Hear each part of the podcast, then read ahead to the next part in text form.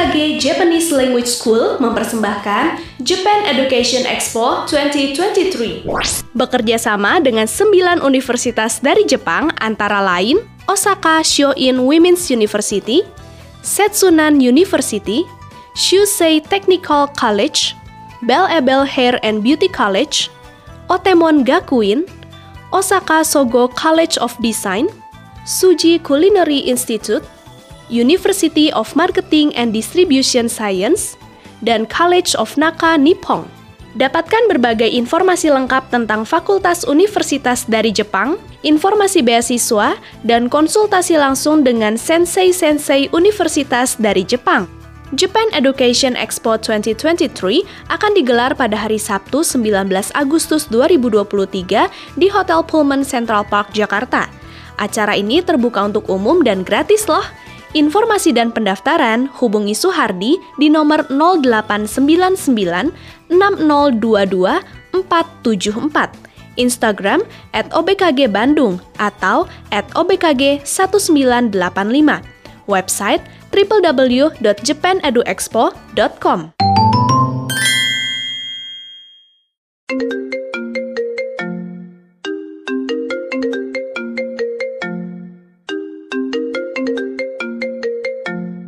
여보세요. 언니, aku nggak? 아, 죄송합니다. 전화 잘못 거셨습니다. 전화 끊겠습니다. Oni, Oni, Oni, Oni, Oni, ayo belajar.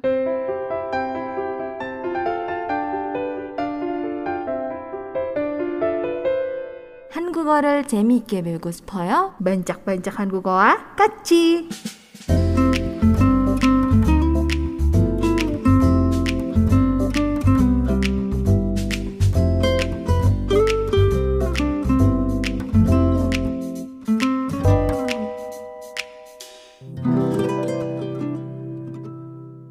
Oni di sana masih terang.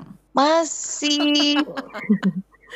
Masih baru baru mulai mau terbenam sih. Hmm, sungguh ini tuh kayak masih jam 4 gitu ya kelihatan dari fotonya ya.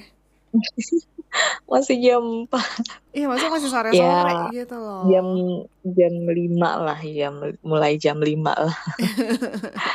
Kalau yang jam 7, di sini kan sekarang udah jam 8 lebih Hmm, ya. mm-mm. Kalau pas tadi jam 7 di sini berarti jam 5-an di sana ya. Jadi sama lah ya, mungkin Sama di sini karena beda 2 jam. Hmm, jam Hmm. 8 di sini sama setara dengan jam 6 di sana. Ah. Jam 7 tadi di sini setara dengan jam 5 di sana. Hmm. Iya, jadi Jun si Oni ini tadi ngirimin foto ke aku, foto situasi asramanya dia kalau lihat keluar Mhm. gitu. Jadi dari Lihat jen- jendelanya jendela gitu. gitu lah dan masih terang gitu. Dia kasih kasih captionnya gitu. Jam jam berapa tadi kamu jam 7 Jam tadi 7, jam udah gitu 8. jam 8 gitu loh. Oh ini ini eh, kalau dilihat juga itu di jendelanya di sini tuh kan bukan kayak jendela di Indonesia ya yang langsung gitu sekali nge- apa jendela biasa. Mungkin ya bentuknya kan macam-macam ya kalau Indonesia jendela ya. Tapi kan Hmm. istilahnya cuman kayak kaca terus langsung buka udah los gitu aja Oh gitu iya kalau iya. jendela di Indonesia ya. Paling kalau untuk biar anti maling pakai ini kan ya pakai apa sih? Eh ada besi-besi gitu kan. Untuk anti maling Kalau di. Indonesia gitu.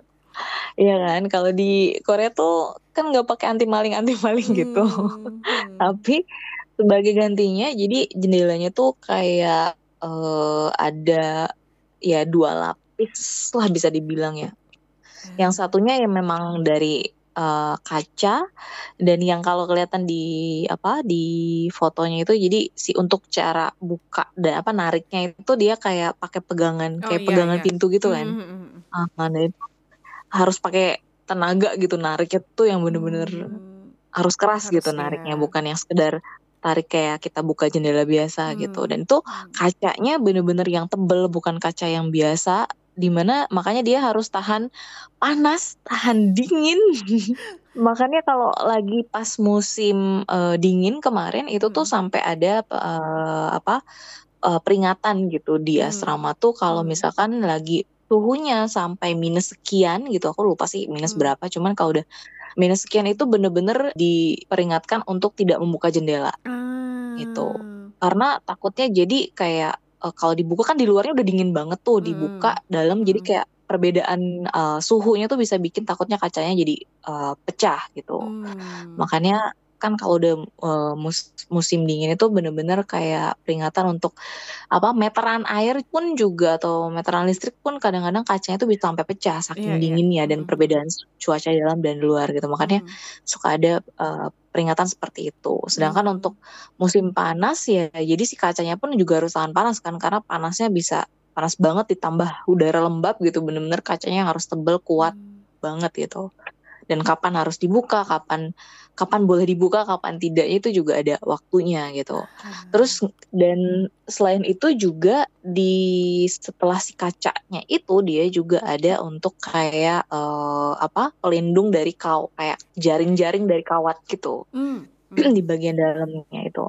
Nah itu juga eh, terutama kalau musim panas nih udah saatnya sekarang berguna sih jaring-jaringnya itu Hmm. karena sudah mulai banyak serangga gitu. Iya, Jadi iya. misalkan kita eh, ya kalau udah musim panas kan ya udara di dalam pun walaupun nggak panas nggak masuk si Hmm. mataharinya tetap aja berasa lembab ya pengap gitu di dalam tuh.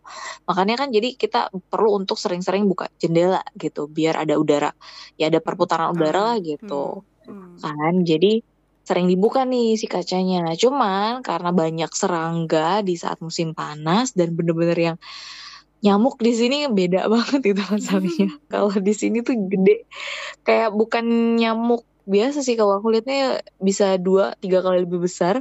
Terus kalau udah ngegigit itu kalau di Indonesia kan kayak ya paling sebentar ya bentalnya. Terus besoknya ya besoknya udah hilang gitu. Iya. Paling gatal-gatal dikit lah gitu. Hmm. Kalau di sini tuh kayak kita habis digigit bukan sama nyamuk, tapi kayak digigit sama eh, yang di biasa ada di pantai gitu. Yang kalau ben- bentolnya tuh gede, ya nggak gede banget sih, cuman lebih gede daripada bentol biasa. Terus lama hilangnya. Dan kadang tuh kayak bekas gigitannya tuh kayak berbekas gitu loh nih. Kayak kita habis Oh. disuntik tuh ada titiknya gitu loh.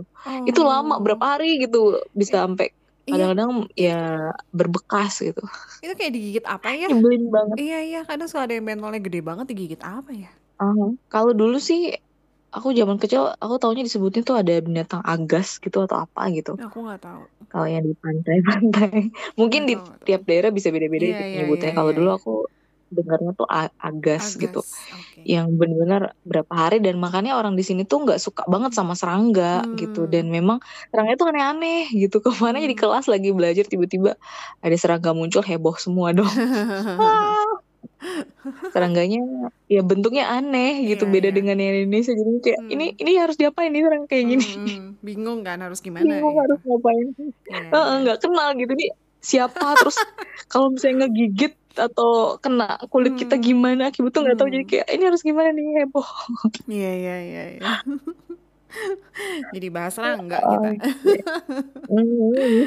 Oke, hari Nah, ini kenapa aku mau bahas Hmm. eh, serangga atau juga tadi tentang jendela ya ini juga Hmm. berhubungan dengan bancak-bancak Hanguko hari ini Mm-mm. Eh, jadi hari ini kita nggak akan bahas tentang bahasa Korea secara khusus ya, tapi Hmm. kita mau lebih eh, fokus ke budayanya di sini. Hmm. Di mana untuk mulai dari minggu inilah bisa dibilang ya sudah mulai masuk yang namanya Jangma, musim Jangma di Korea, yang pertanda sebagai eh, mulainya musim panas di Hmm. sini. Ya, di mana musim Jangma sendiri itu berarti musim hujan yang eh, ada di musim panas Hmm. gitu. Nah, jadi dalam rangka menyambut musim Jangma di sini, Iya. menyambut dong. Jadi hari ini aku mau bahas tentang beberapa eh, ini ada artikel-artikel di berita-berita Korea itu sudah mulai banyak yang memposting tentang panduan-panduan untuk bisa bertahan hidup di musim Jangma, terutama di tahun ini Oke. gitu. Hmm. karena eh, apa tahun ini ya mungkin karena sudah dari tahun-tahun sebelumnya juga sudah mulai terasa ya efek dari pemanasan global jadinya makin tidak menentu kan cuaca juga terus bisa Hmm. tiba-tiba ekstrim banget hujannya atau sampai-sampai mungkin sama bisa mirip dengan yang di tahun kemarin kan sampai banyak korban juga kan ya gara-gara banjir Betul. besar terutama Hmm. di Gangnam atau banyak daerah lain juga banjirnya Hmm. lumayan besar sampai banyak eh, korban juga dan itu kan benar-benar bahaya banget banget juga kan ya. Hmm. Jadinya uh, tahun ini juga diperkirakan karena adanya uh, apa uh, badai El Nino juga yang mulai mendekati, jadinya juga dimulai banyak diberikan panduan-panduan Hmm. untuk bisa lebih uh, waspada dan juga mempersiapkan diri untuk uh, menghadapi uh, musim jangma di tahun Hmm, ini hmm. gitu. Karena juga katanya sih diperkirakan uh, untuk tahun ini tuh juga Korea Selatan itu akan mengalami lebih banyak curah hujan di musim panas ini Hmm. gitu. Nah mungkin kalau untuk orang Indonesia mungkin udah biasa ya kan musim panas juga istilahnya dalam setahun panas terus gitu. Terus musim hujan juga udah biasa gitu kan Iya. sebagian besar hujan terus kalau Mm-mm. enggak panas terus gitu Mm-mm. kan. Mungkin udah terbiasa. Cuman mungkin eh ya paling kadang-kadang ada cuaca ekstrim gitu. Cuman kalau untuk di Korea kadang-kadang tuh kalau udah sekalinya cuaca ekstrim tuh bener-bener ekstrim banget seperti di yang di tahun lalu itu gitu hujannya Hmm. bener-bener yang sampai yang biasanya nggak pernah jarang banjir gitu tiba bener-bener sampai banjir parah banget itu kan berarti bukan yang eh, hujan biasa gitu kan hujannya bener-bener yang lebih banyak curah hujannya gitu Hmm. Nah, jadinya eh, banyak yang harus dipersiapkan juga. Ini eh, jadinya juga untuk Jangma di tahun ini itu bikin banyak orang juga sudah mulai merasa khawatir, sudah mulai was-was, aduh gimana nih bisa menghadapi Jangma atau musim panas kali ini enggak gitu kan. Nah, kekhawatiran ini sudah tumbuh dengan cepat, bukan hanya karena kemungkinan hujan lebat yang pastinya akan merusak liburan musim panas yang diperoleh dengan susah payah gitu ya menunggu-nunggu bisa liburan musim panas tapi kalau ada hujan kan kayak wah ini banyak yang harus di cancel gitu kan nah tapi juga eh, ada pelajaran yang juga pastinya dipetik dari tahun lalu gitu Hmm. di mana di Korea sendiri di- eh, sempat dibanjiri hujan lebat di tahun lalu yang menyebabkan 9 orang tewas, ratusan orang di Seoul juga sampai harus mengungsi dan lebih dari 2.800 bangunan pun juga jadi rusak gitu. Hmm. Nah, untuk tahun ini para ahli itu tidak eh, menyarankan untuk tidak perlu panik meski kemungkinan terburuk juga bisa terjadi selama musim hujan di tahun ini. Nah, jadi di sini eh, ada beberapa langkah-langkah yang di apa istilahnya disarankan untuk keselamatan eh, secara mendasar dan menggabungkan alat dan persiapan penting untuk bisa meningkatkan keselamatan kita selama musim eh, hujan yang akan datang. Nah, ini mungkin juga walaupun ini panduan untuk orang-orang di Korea di saat eh, musim Jangma, tapi juga mungkin bisa jadi satu panduan juga untuk eh, teman-teman atau pendengar yang ada di eh, Indonesia, terutama di Bandung ya, Hmm. yang mungkin nggak nggak se apa ya, nggak selembab, nggak sepanas di daerah lain ya, karena Bandung kan masih termasuk yang lebih dingin daripada daerah-daerah lain Iya. ini bisa jadi uh, tambahan panduan juga atau informasi juga gitu. Nah yang pertama ini uh, ada tindakan pengamanan. Ya, ini ada para ahli yang mengutip pedoman pemerintah mengatakan bahwa pastinya uh, lebih baik tetap mendapat informasi dengan beralih ke berita, televisi atau juga radio dan tetap mendapatkan informasi terbaru tentang cuaca buruk. Ini kalau di apa istilahnya untuk di Korea kan ya Hmm. eh, ada macam peringatan cuaca juga dan kalau di Indonesia paling harus nonton TV ya, harus lihat TV atau juga cek di Twitter gitu kan Iya sih. Iya, tentang iya. cuaca gitu. Biasanya Iya, tuh suka iya. suka cepet banget gitu informasinya cuacanya daerah mana itu seperti apa gitu lagi hujan deras segala macam itu cepet banget di Twitter atau juga uh, menunggu berita di TV. Nah kalau di sini ya dari berita di TV atau juga di radio itu bisa digunakan untuk mendapatkan informasi terbaru tentang cuaca buruk. Hmm. Nah tentunya yang langkah selanjutnya untuk menjaga diri kita tetap aman dari hujan tentunya dengan menahan diri dari aktivitas di luar ruangan. ya kan? Iya, aja gitu di rumah. dan juga ini jangan lupa untuk tutup jendela dan pintu dengan benar untuk mencegah jamur dan kerusakan di dalam ruangan. Hmm. Ini juga ya mungkin ya di Indonesia juga ya mungkin eh, suka karena panas tuh suka dibiarin terbuka gitu kan jendela. Tapi kadang-kadang tuh kalau ada satu hari yang memang eh, abis hujan gitu kadang-kadang jadi lembab itu justru jangan dibiarin terus kebuka gitu. Jadinya takut jadi di dalam justru yang lebih lembab dan bisa bikin jamur lebih cepat berkembang. Iya. Oke. Terus uh, kalau misalkan kita harus uh, mau nggak mau harus keluar gitu, Mm-mm. kita diharapkan untuk bisa menghindari berjalan di sepanjang saluran air atau juga kalau bisa jangan menginjak genangan air. Ini kalau di kita mungkin agak susah ya Tapi kadang untuk tidak menginjak genangan air. kalau kalau anak Mhm. kecil tuh seneng tahu nginjek genangan air tuh. Kayak happy ketemu air. Loncat gitu. Iya Biasanya. Asalkan emang pas lagi nggak hujan, nggak Iya. lagi dalam keadaan hujan gitu kan. Kalau misalnya udah berhenti, udah aman gitu ya, Hmm. cuacanya istilah eh, langitnya sudah terang gitu kan ya.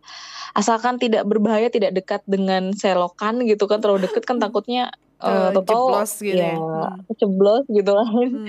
Itu juga harus lebih hati-hati. Terus kalau misalkan harus berjalan di sepanjang jalur air, itu pertahankan jalur terjauh dari eh, airnya tersebut, saluran airnya tersebut. Hmm. Selain itu, eh, jangan pernah mendekati lampu lalu lintas, lampu jalan, tiang, Hmm. lis- tiang listrik, atau juga kabel bertegangan tinggi. Ya kalau ada kelihatan ada kabel-kabelan seperti itu atau tiang yang ada listriknya itu kalau bisa eh, jauhi gitu ya. Hmm. Apalagi kalau misalkan ya yang jalan kaki ataupun yang bawa motor itu kan suka misalnya ya udahlah dirinya deket tiang listrik lah atau lampu atau mungkin yang ada kabel-kabelnya di jalan gitu kan. Kalau Hmm. bisa itu jauhi hal-hal tersebut karena kan pasti ada ada kemungkinan gitu untuk bisa jadi tersengat listrik karena air itu kan salah satu penghantar listrik juga Iya, kan. betul. Terus juga jauhi peralatan logam, eh, ya air ataupun listrik apa pun selama lagi misalkan ada petir atau Hmm. lagi ada badai, tapi kita ter, eh, memang mau nggak mau gitu harus keluar rumah gitu. Eh, karena ya pastinya bisa eh, ada perambatan listrik juga melalui bahan-bahan tersebut. Hmm. Nah, terus juga misalkan kebetulan nih kita sementara lagi ada di daerah atau sedang terjebak di daerah yang dekat dengan lembah atau sungai gitu ya. eh, carilah tempat berlindung yang tertutup. Jauhi juga area yang ditinggikan ya, misalkan tebing atau Hmm. ya ada pohon-pohon yang tinggi. Terus juga ya pastinya ruang terbuka juga kalau bisa cari tempat berlindung gitu. Dan diharapkan untuk berjongkok katanya untuk meminimalkan kontak dengan tanah. Hmm. Dan kalau misalkan memang sudah eh, situasinya membahayakan, ya hubungi tim penyelamat dan tunggu sampai tim penyelamat datang. Gitu. Jangan paksa untuk kayak terus cari jalan keluar segala macam karena kan takutnya ada yang longsor lah, ada ya pohonnya tumbang segala macam itu justru lebih berbahaya. Gitu.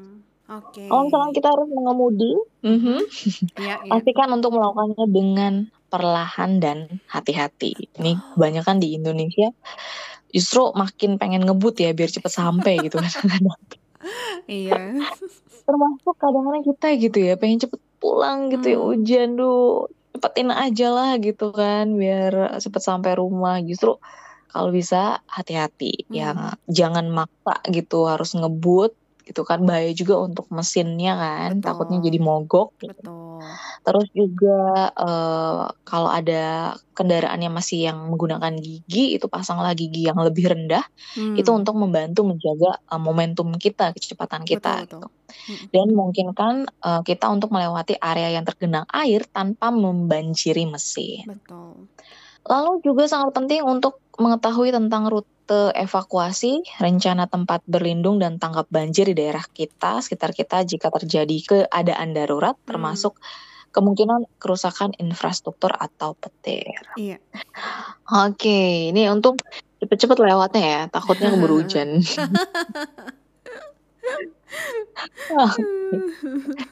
Iya, lanjut lagi masih Hmm. tentang panduan keselamatan ya untuk menghadapi jangma atau musim hujan di saat eh, sebelum menyambut eh, sebenar-benarnya musim panas di Korea. Ini mungkin juga bisa berguna untuk yang mungkin ada pendengar yang ada rencana untuk eh, datang ke Korea, memang istilahnya mau nggak mau gitu ya ternyata bisa datangnya tuh di saat musim jangma atau di musim panas gitu. Jadi harus tahu juga eh, apa aja yang perlu disiapkan untuk sebelum datang ke sini gitu. Karena kan ya eh, situasi di Indonesia dan juga di Korea pasti berbeda walaupun ya sama-sama istilahnya mirip-mirip lah dengan musim panas atau musim hujan di Indonesia tapi pasti ada yang berbedanya juga Hmm. Contohnya nih misal di Korea itu kan eh, masih banyak menggunakan eh, kendaraan umum ya, terutama kereta bawah tanah atau juga ada rumah-rumah yang memang uh, istilahnya semi basement segala macem ya. Jadi misalkan kalau kalian lagi di Korea di saat musim jangma atau musim panas itu kalau bisa di saat uh, hujan dan bener-bener hujannya itu curah hujannya tinggi banget uh, terus kalian harus Hmm. naik kendaraan umum gitu. Ya kalau misalkan uh, ada peringatan gitu ya hujan curah tinggi gitu kalau bisa sih uh, kadang-kadang tuh kan ada yang bis-bis yang memang uh, uh, istilahnya tuh diarahkan melalui jalan yang lain gitu ya. Hmm. Itu benar-benar harus diperhatikan juga. Terus juga kalau misalkan ada peringatan untuk uh, sampai harus uh, menghindari beberapa stasiun gitu kan, itu berarti juga harus diperhatikan juga karena mungkin stasiun tersebut sudah ada mulai genang, genangan air atau Hmm. ya ada sudah mulai tergenang banjir dan segala macamnya. Terus yang untuk misalkan dapat tempat tinggalnya di semi basement itu juga uh, hati-hati itu karena rawan banjir juga. Terus uh, tentunya tidak lupa jangan sampai lupa untuk mencabut peralatan listrik di rumah sebelum kita pergi Iya. gitu. Apa pun itu dicabut gitu karena Hmm. kita nggak tahu tahu-tahu tiba-tiba apalagi yang uh, semi basement tadi ya tahu-tahu Iya. tergenang banjir gitu Hmm, kan. Kita mau masuk juga bahaya kan Hmm. pastinya kalau ada listrik yang masih Hmm. terpasang gitu di situ. Ya, terus untuk di Seoul sendiri, eh, dalam kasus rumah di dataran rendah dari pemerintah metropolitan Seoul itu berencana untuk memasang penghalang pengendalian banjir di setidaknya 20.000 flat semi basement yang rawan banjir pada bulan Juni ini untuk mempersiapkan hujan ekstrem musim panas ini. Hmm. Nah, lalu juga nih, eh, tentunya kita juga harus memperhatikan peringatan cuaca tadi ya. Eh, ini terutama kalau di Korea sendiri itu ada peringatan pesan bencana darurat itu akan dikeluarkan untuk semua yang tinggal di wilayah Seoul yang lebih besar menurut dari Badan Cuaca, di mana sistem peringatan datang itu saat eh, negara Korea sendiri bersiap untuk masuk musim hujan karena perkiraan memprediksi bahwa El Nino itu akan kembali tahun ini. Dan dari eh, adanya badai El Nino tadi, jadinya contohnya nih misalkan dari mulai Kamis kemarin itu sudah ada pesan-pesan peringatan yang mulai muncul, yang mulai dikeluarkan saat kondisi hujan ketika wilayah setempat itu menerima curah hujan 50 mm per jam atau 90 mm eh, hujan dalam 3 jam. Ya kayak kemarin itu kan bener-bener yang seharian hujan eh, nggak berhenti dari pagi sampai malam itu peringatan-peringatan yang masuk ke ke HP masing-masing juga itu banyak banget gitu.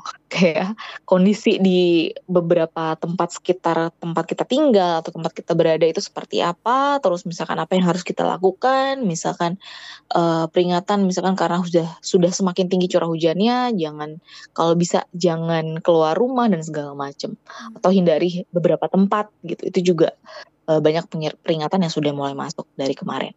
Eh, selain itu juga ruang situasi umum Pusat Operasi Darurat Seoul yang menerima laporan tentang kecelakaan dan bencana itu akan menambah jumlah pusat panggilan darurat dari 24 menjadi 40 saat ini untuk mempersiapkan lonjakan panggilan telepon selama musim hujan di musim panas gitu. Jadi juga kalau ada apa-apa itu ya mungkin semacam kayak kita manggil pemadam kebakaran gitu ya untuk misalkan sudah situasinya darurat udah mulai air mulai menggenang dan segala macamnya itu bisa langsung uh, memanggil panggilan darurat ya di uh, 119 di sini Hmm. 119 Ya, bisa dipakai juga kalau situasi sudah mulai darurat. Terus juga nih hal yang penting harus disiapkan di saat musim hujan barang-barang ya terutama barang-barang yang penting uh, dipersiapkan di saat mulai masuk musim hujan. Uh, mungkin di Indonesia juga ya karena di Indonesia kan juga rawan bencana nih. Hmm. Yang pertama itu adalah evakuasi. Ya ini eh, karena kita nggak pernah tahu ya kapan bencana bisa datang, termasuk yang bencana-bencana yang memang bukan bencana alam sih ya sebenarnya, tapi mungkin karena ya dari eh, keadaan lingkungan kita, misalnya bisa jadi banjir dan segala macamnya, itu kita diharapkan untuk bisa menyiapkan atau memiliki tas evakuasi dengan barang-barang penting yang dibutuhkan untuk bertahan hidup selama keadaan darurat diperlukan. Hmm. Ini ada perlengkapan banjir darurat itu mencakup ada botol air ya, botol minum, terus juga stok makanan-makanan yang tidak mudah busuk ya. Ya kalau kita kan mungkin eh, mie instan atau juga hmm. stok sereal juga bisa ya stok sereal kan lumayan tuh Stok ngeganjel juga kan. Stok apa? Sorry. sereal, Oh, sereal. Tadi agak agak hilang-hilang. sereal, Sereal. ya. granola atau kacang-kacangan Ah, gitu ya, iya. yang pengganti ya karbonya lah gitu. Hmm, Kalau misalkan ya daripada kita bawa beras gitu kan, ya berat gitu. Misalkan ya Hmm. satu oh, bungkus yang besar gitu, sereal bisa untuk beberapa kali makan misalkan. Eh, ya ini juga tentunya untuk makanan-makanan yang bisa cepat langsung dimakan, tidak perlu banyak proses gitu Hmm. ya, bisa eh, dimakan kapan pun juga. Terus juga tentunya eh, kita harus menyiapkan pakaian ganti juga. Betul. Itu satu hal-hal dasar yang harus dipersiapkan. Terus juga selain itu juga siapkan uang tunai darurat. Terus juga semacam eh, power bank kali ya, Hmm, pengisi hmm. daya ponsel eh, portable. Hmm. Terus juga obat-obatan. Eh, senter juga yang bertenaga baterai. Terus Betul. juga ini yang penting juga nih, peluit. Apa? Ya, macam peluit. Oh, peluit. Aku dengernya duit. Mm-mm. Duit. Aduh. Peluit. Duit udah tadi. Iya, peluit. Kenapa Hmm. kita butuh peluit? Karena ya siapa tahu kita lagi terjebak di satu tempat gitu ya. Mm-mm. Terus untuk memudahkan penyelamat atau orang-orang untuk menemukan kita itu kita bisa meniup peluit tadi untuk menarik perhatian gitu. Untuk ngasih tahu di sini ada orang gitu kan. Mm-mm. Daripada kita udah capek gitu ya untuk teriak-teriak minta tolong, kita bisa pakai peluit untuk memberitahu Hmm, itu juga. Mungkin selama ini nggak kepikiran ya peluit. Hmm, gitu. Makanya- Cuman center doang mungkin kepikiran, tapi peluit juga bisa. Kalau di Mhm. pelampung kan kalau diperhatiin ada ada peluitnya juga kan sebenarnya kan. Mm-mm. Kalau yang di pesawat itu Iya. loh kan suka tiup bagian apa Betul. gitu ya. Suka ada itunya. Mhm.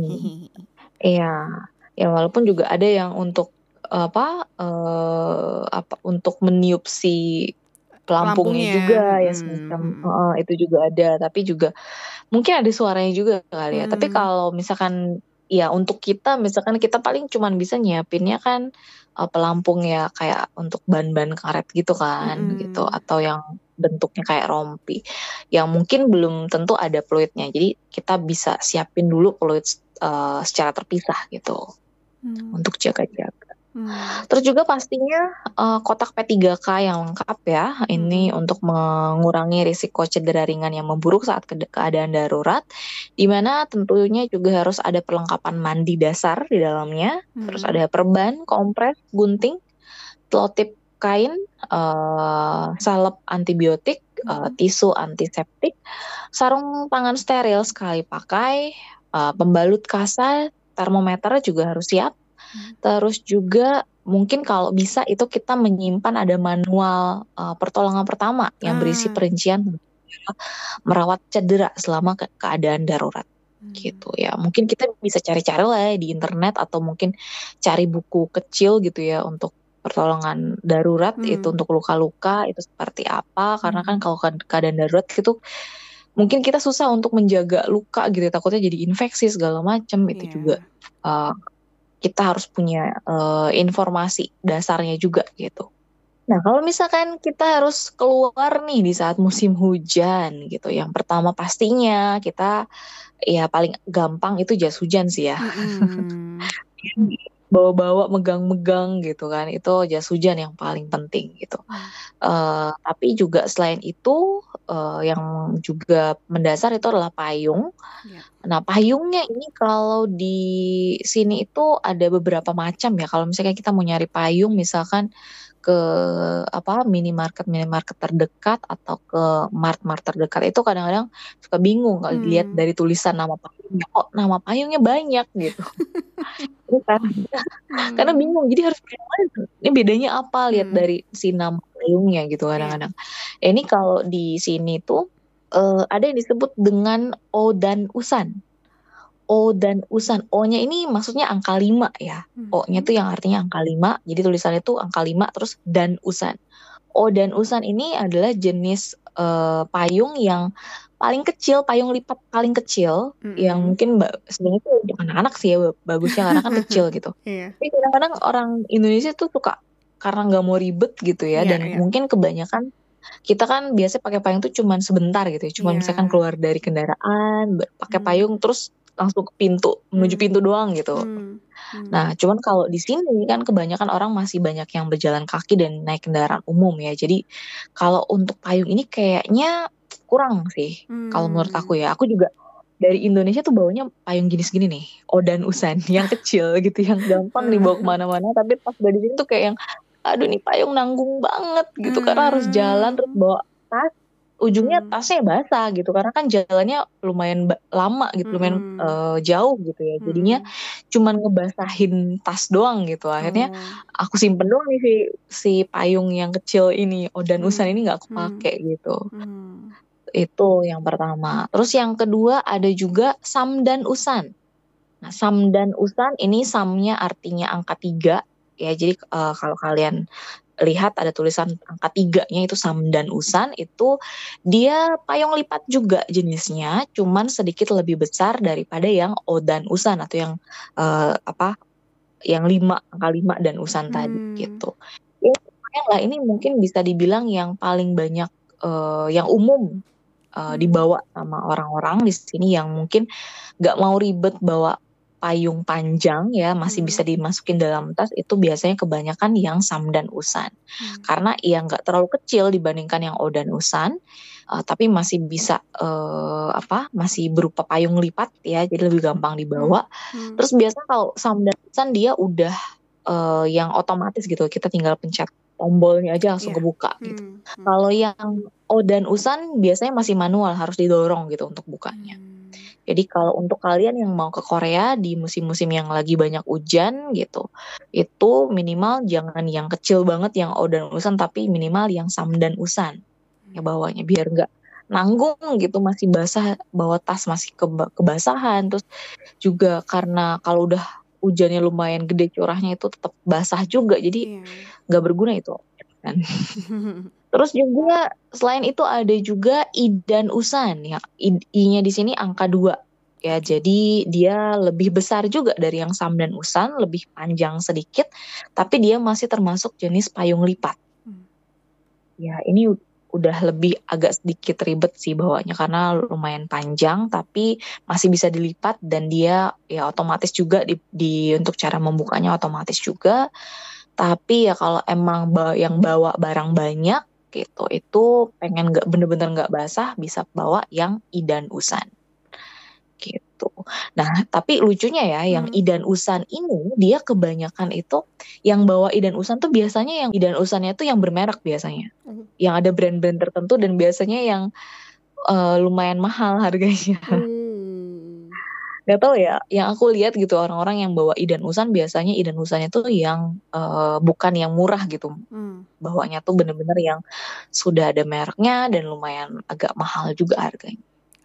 Nah, kalau yang mungkin pengen lebih mirip-mirip di drama, pengen lebih apa ya istilahnya, lebih terasa romantis, misalnya bisa dipakai berdua gitu ya, terus nggak masalah bawanya agak ribet, Hmm. bisa cari yang namanya Jang Usan. Jang Usan. Nah, Jang Usan ini nih dia eh, artinya adalah eh, payung yang panjang lah ya bisa dibilang. Jadi dia eh, nggak bisa dilipat ya emang eh, dan nggak bisa masukin tas karena dia gede dan panjang gitu ya. Jadi tapinya paling enak gitu kan kalau mau dipakai untuk bawa tas gitu nggak akan kebasahan. Mau curah hujannya tinggi pun juga nggak masalah. Terus kalau ada temen yang nggak bawa payung kita bisa barengan gitu. Itu paling enak sebenarnya bawa jang usan. Aku jadi eh, kadang-kadang kalau udah ngelihat hujannya agak deras nih, aku lebih memilih bawa jang usan sih walaupun agak ribet ya bawa-bawanya. Cuman lebih aman gitu. Hmm. Oke. Apalagi di sini ya orang-orang tuh suka beli karena di sini untuk yang jang usan itu banyak yang transparan Oh ya kan iya, yang banyak di drama tuh betul, yang betul, transparan-transparan Iya. atau yang mungkin hitam atau yang warnanya putih doang itu yang umum banget itu Iya. dijual di minimarket minimarket terdekat itu pasti ada Hmm. apalagi udah mendekati musim hujan Hmm. ya itu harganya lumayan murah jadi orang-orang tuh kadang-kadang tuh beli untuk kayak beberapa kali pakai doang terus kayak kalau males tuh ditinggal aja Uh, uh, atau kayak istilahnya ke- banyak banget yang kayak entah sengaja atau emang ketinggalan di dalam bis atau di dalam eh, kereta bawah tanah tuh suka ada aja yang ketinggalan sih Oh. si uh, payung-payung Payungnya. yang Hmm. murah ini Mm-mm, tapi mm-mm. gede kan dia jadi Hmm. kalaupun uh, hujan deras pun nggak masalah gitu. Mm. Dan di asrama itu lucunya ya. Jadi di asrama tuh di bagian depan pintu itu selalu ada kayak satu kotak gede gitu untuk kita naruh-naruh payung. Kalau Hmm. kan biar nggak ke- eh, basah ya sampai ke dalam gitu, nggak berceceran airnya dari payung. Itu ditaruh di situ. Dan kadang-kadang tuh orang tuh kalau yang payung-payung murah tuh suka dibiarin di situ. Jadinya kayak udah payung umum gitu. Orang kalau butuh payung tinggal Tinggal ambil aja itu punya siapa, ambil aja Ah. pakai. Nanti pas balik lagi taruh lagi gitu. Ah. Karena itu biasanya payung-payung murah yang bisa dibeli di minimarket Hmm. gitu, yang uh, bening-bening gitu. Jadi kalau kalian nggak mau ribet mungkin dari Indonesia bawa misalnya udah hujan besar, cari aja di minimarket terdekat yang payung-payung bening itu lumayan murah. Kalau ribet nggak mau udah selesai nih hujannya, misalkan udah mendekati mau pulang ke Indonesia ya udah tinggalin aja di mana kek atau ada ya tempat-tempat naruh payung gitu ya di de- depan uh, minimarket atau di depan toko apa taruh aja di situ tinggalin nggak apa-apa kalau murah gitu Hmm. karena kadang-kadang juga ngebantu untuk orang-orang yang memang lupa tiba-tiba bawa payung gitu bisa langsung pakai di Hmm. situ jadi udah kayak payung umum di sini di depan asrama tuh pakai aja lah gitu Hmm. malah kadang-kadang eh, kita bawa gitu karena ka- kita nggak punya jangusan ya Hmm. ini kita punya sampai tiga jangusan itu bukan yang beli tapi memang yang ditinggalin di depan asrama sih kayak ini banyak banget kita Oh, ambil ada? satu kayaknya nggak masalah Oh. jadi kita sampai punya tiga yang bening Hmm. satu Hmm. hitam satu eh, yang putih satu itu semua gratis karena saking banyaknya di depan gitu orang-orang naruh gitu aja males Hmm. eh, bawa pulang gitu ya udah kayak ah gampang nih murah ini gitu jadi kayak ditinggal aja gitu jadi kita bawa ke depan kamar kita kita taruh gitu Hmm. Hmm. bisa jadi tips juga ya kalau yang harus datang ke sini di saat lagi musim hujan Iya, betul. Ini mungkin eh apa untuk penutup kali ya. Ini satu Mm-mm, lagi yang perlu boleh. disiapkan juga, terutama mungkin yang untuk pindah ya, bukan cuma untuk liburan doang di sini, tapi untuk yang stay berapa lama di sini di saat musim panas itu juga jangan lupa untuk menyiapkan penyerap kelembaban.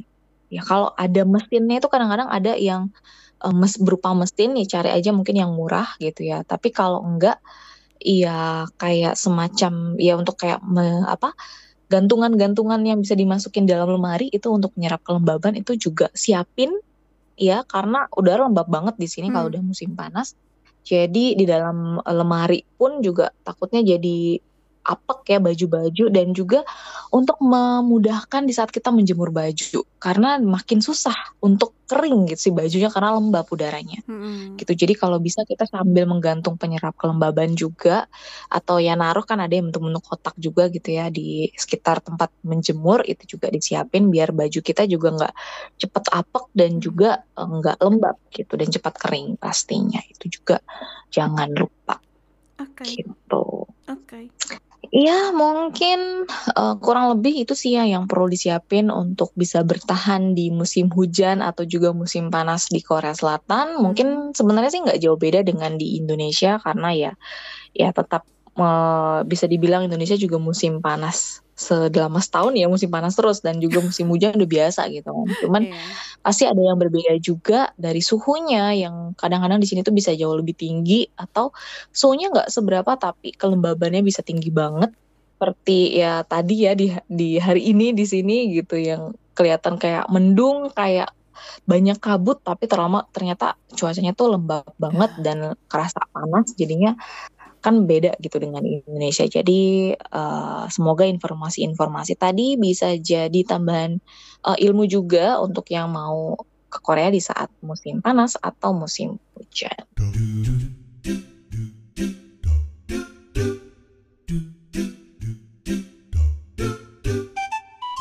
청취자 여러분, 감사합니다. 반짝반짝 한국어는 여기까지입니다. 야! 아이고.